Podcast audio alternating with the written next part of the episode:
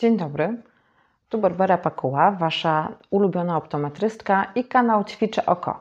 Dzisiaj rozmawiamy o niedowidzeniu, czym ono jest, jak się objawia, jakie są przyczyny i jakie konkretnie kroki musimy podjąć, żeby to niedowidzenie wyprowadzić, żeby dziecko tego niedowidzenia nie miało. Zobaczymy również, jakie są konsekwencje niedowidzenia i konsekwencje takiej sytuacji, w której takiego leczenia nie podejmiemy. Zapraszam.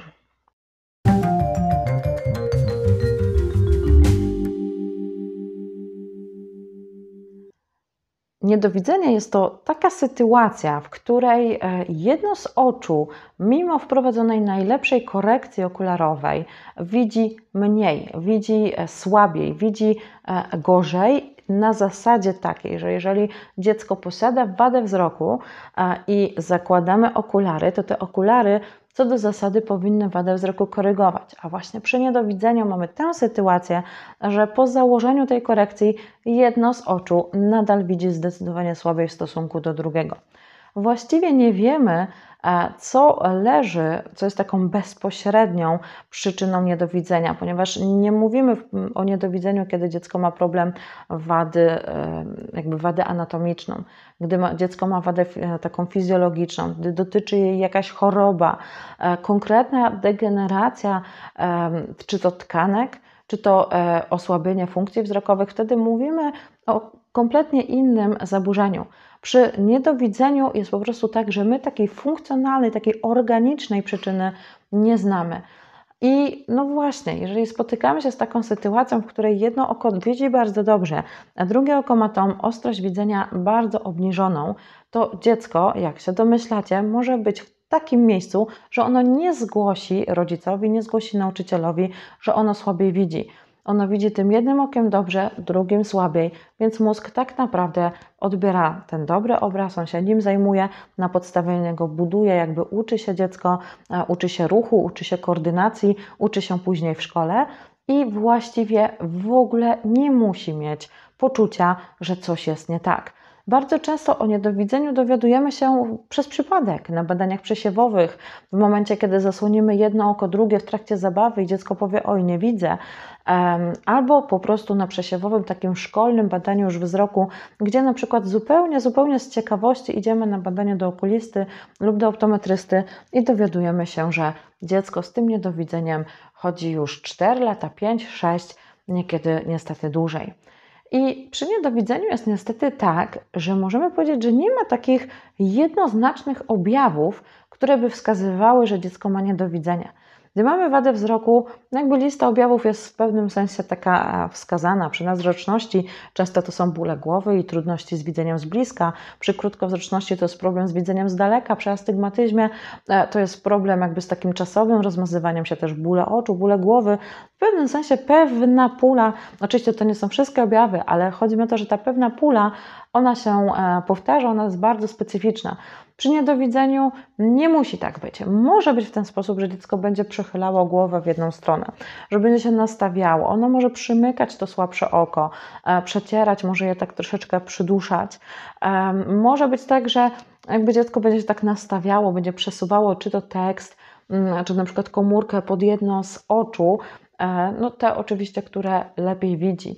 Niekiedy bywa w ten sposób, że dziecko mm, jakby, no to jest tak niespecyficzne, ale może szurać nogami, może jakby tak jedna strona ciała być osłabiona, jakby taka, mm, że o tu się obije, tam na coś wpadnie, czegoś nie zauważy, tak jakby ta jedna strona, właśnie to pole widzenia było, było słabsze, było w pewnym sensie jakby odcięte. E, a niekiedy, tak jak już wspomniałam, absolutnie nie ma żadnych objawów i rodzice naprawdę otrzymują szokującą diagnozę, że dziecko to niedowidzenie ma. I przy niedowidzeniu właściwie najczęściej jakby taką przyczyną, e, że niedowidzenie istnieje, to jest jakiś problem z ośrodkami wzrokowymi i to by najczęściej jest albo to, że to oko jedno ucieka, czyli jest zezowanie, albo jest różnowzroczność, czyli jedno oko ma większą wadę od drugiego, e, na przykład plus 3 i plus 6, albo plus 5 i plus 9, albo niekiedy dotyczy to astygmatyzmu wyższego stopnia, rzadziej krótkowzroczności. Niekiedy są to czynniki wrodzone, typu zaćma jednego z oczu, może być opadanie mm, powieki. I w przypadku, kiedy mamy diagnozę i już wiemy, że jest to niedowidzenie, to właśnie ten czynnik, który e, spowodował mm, to obniżenie ostrości w jednym oku, w pierwszej kolejności ten czynnik musimy wyeliminować. Czyli jeżeli jest to zaćma, trzeba poddać się zabiegowi jak najszybciej, że jest to tak pełna e, i pełna zaćma i jest to skierowanie na zabieg. Jeżeli jest to różnowzroczność, jeżeli jest to w ogóle wada wzroku, musimy przepisać okulary, a tudzież soczewki kontaktowe. Ta korekcja, pełna korekcja musi zostać przepisana i musi być wdrożone od razu też dodatkowe leczenie. I dodatkowe leczenie mamy tu na myśli właściwie dwa kroki to będzie zasłanianie tego zdrowego oka, żeby to słabsze pobudzić do patrzenia, i to będzie też od razu wprowadzona terapia widzenia.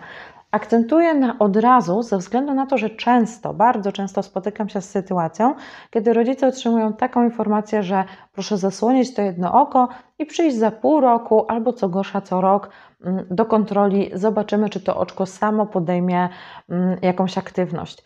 I to jest e, w mojej opinii taki jeden z częstszych e, błędów e, prowadzących do dużego rozczarowania, ze względu na to, że mózg jakby adaptując się do sytuacji niedowidzenia, na tyle mocno preferuje to zdrowe oko, że poprzez samo zasłanianie bez dodatkowych ćwiczeń, bez dodatkowego wsparcia, takiego bodźcowania, często tej ostrości nie poprawia w znaczącym stopniu, takim zadowalającym.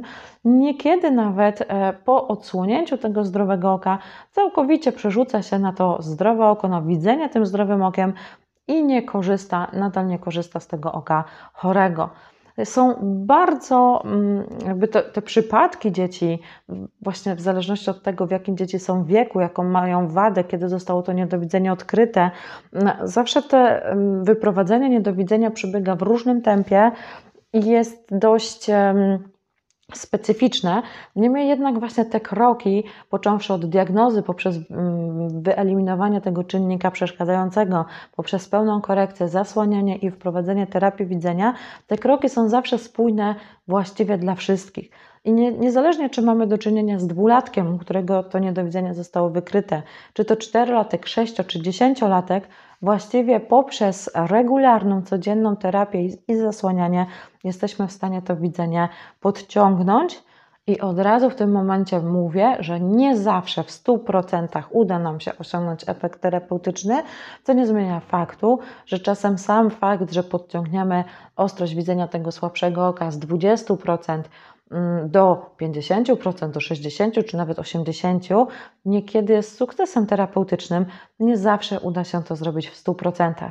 Podobnie z widzeniem obłocznym, gdy było niedowidzenie e, na tyle wpływało na widzenie obłoczne, że ono się nie wykształciło, bądź jest w ograniczonej e, formie, bądź oko to słabo widzące, to niedowidzące jest tłumione, to niekiedy sukcesem terapeutycznym jest nawet odtłumienie tego oka i jednoczesna percepcja obrazu, niż nie, nie zawsze się uda uzyskać pełne widzenie 3D, nie u wszystkich. Ale znów to, co powiedziałam wcześniej, jest to proces szalenie indywidualny i też tempo całej terapii, tempo tego zasłaniania, tempo jak dziecko będzie współpracowało, jest również indywidualne. I to jest niesamowite, ponieważ przy wielu rozmowach z rodzicami, ja tych terapii mm, przez 11 lat swojej pracy już przeprowadziłam naprawdę, naprawdę wiele. E, I widziałam spektakularne poprawy, widziałam też spektakularne porażki. E, widziałam rodziców zdeterminowanych, pracujących e, codziennie z dziećmi. To jest zresztą mój model pracy, żeby ze wzrokiem pracować codziennie w domu, w gabinecie, mieszać to, akcentować i cały czas stymulować, bodźcować korę wzrokową, żeby ona podejmowała widzenia, żeby cały czas patrzyła. I właśnie to, że te ćwiczenia, w ogóle ten efekt, całe terapie są tak indywidualne. Ja w tych rozmowach z rodzicami podkreślam, że właściwie nie ma jednej recepty dla wszystkich dzieci, ale też są właśnie te unormowane pewne kaskady kroków, które my wprowadzamy.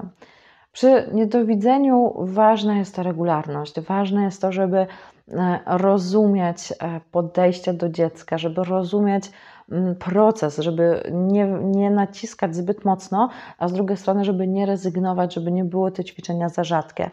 E, moja córka też miała niedowidzenie, właściwie od tego się bardzo dawno temu zaczęła mm, taka większa przygoda mojej pracy z dziećmi właśnie od tego, że moje dziecko miało niedowidzenie i stąd wiem i zdaję sobie sprawę, jak bardzo terapia niedowidzenia może dać rodzicowi w kość, jak bardzo dziecko może się buntować, jak bardzo dziecko może być e, negatywnie nastawione, może mieć dosyć, może e, jakby złościć się na to, że musi wykonywać dość dużo ćwiczeń, dość dużo jakby takich czynności terapeutycznych. Stąd ta potrzeba zrozumienia, stąd moja potrzeba tłumaczenia Wam, jak to wygląda, jak to powinno być.